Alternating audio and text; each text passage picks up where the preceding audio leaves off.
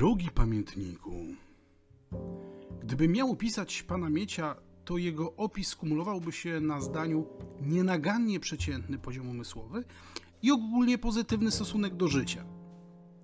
Jego prosty, jak marsz przez gęsty las, sposób myślenia nie do końca pomaga w ustalaniu rzeczywistych przyczyn jakiegoś problemu, ale przynajmniej nie biada, jak coś nie wychodzi, co wynika z jego humanitaryzmu posuniętego do granic ludzkich możliwości.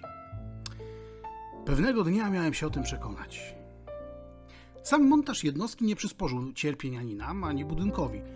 No może jedynie klientowi, który z bezbrzeżnym zdziwieniem patrzył, jak wielki agregat o milimetry mija nowo wyremontowaną elewację wyciągany na dach siłą mięśni moich i pana Miecia.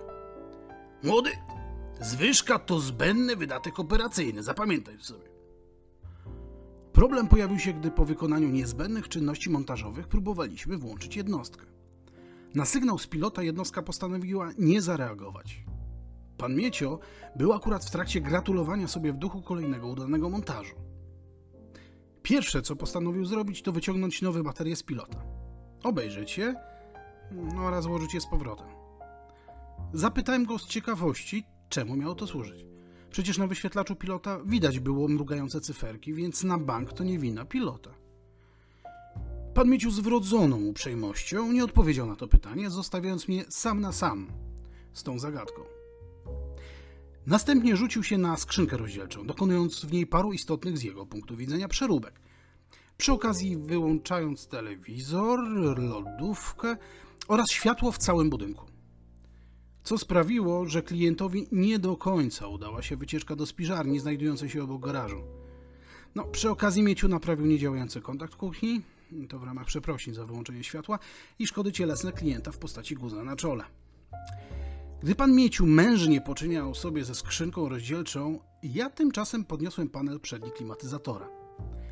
Pamiętam, jak przy przyjmowaniu mnie do pracy nasza szefowa powtarzała do upadłego, żeby zawsze szukać najprostszych rozwiązań. Oczywiście, gdy coś się skwasi. Więc zacząłem badać, czy wyświetlacz został prawidłowo wpięty.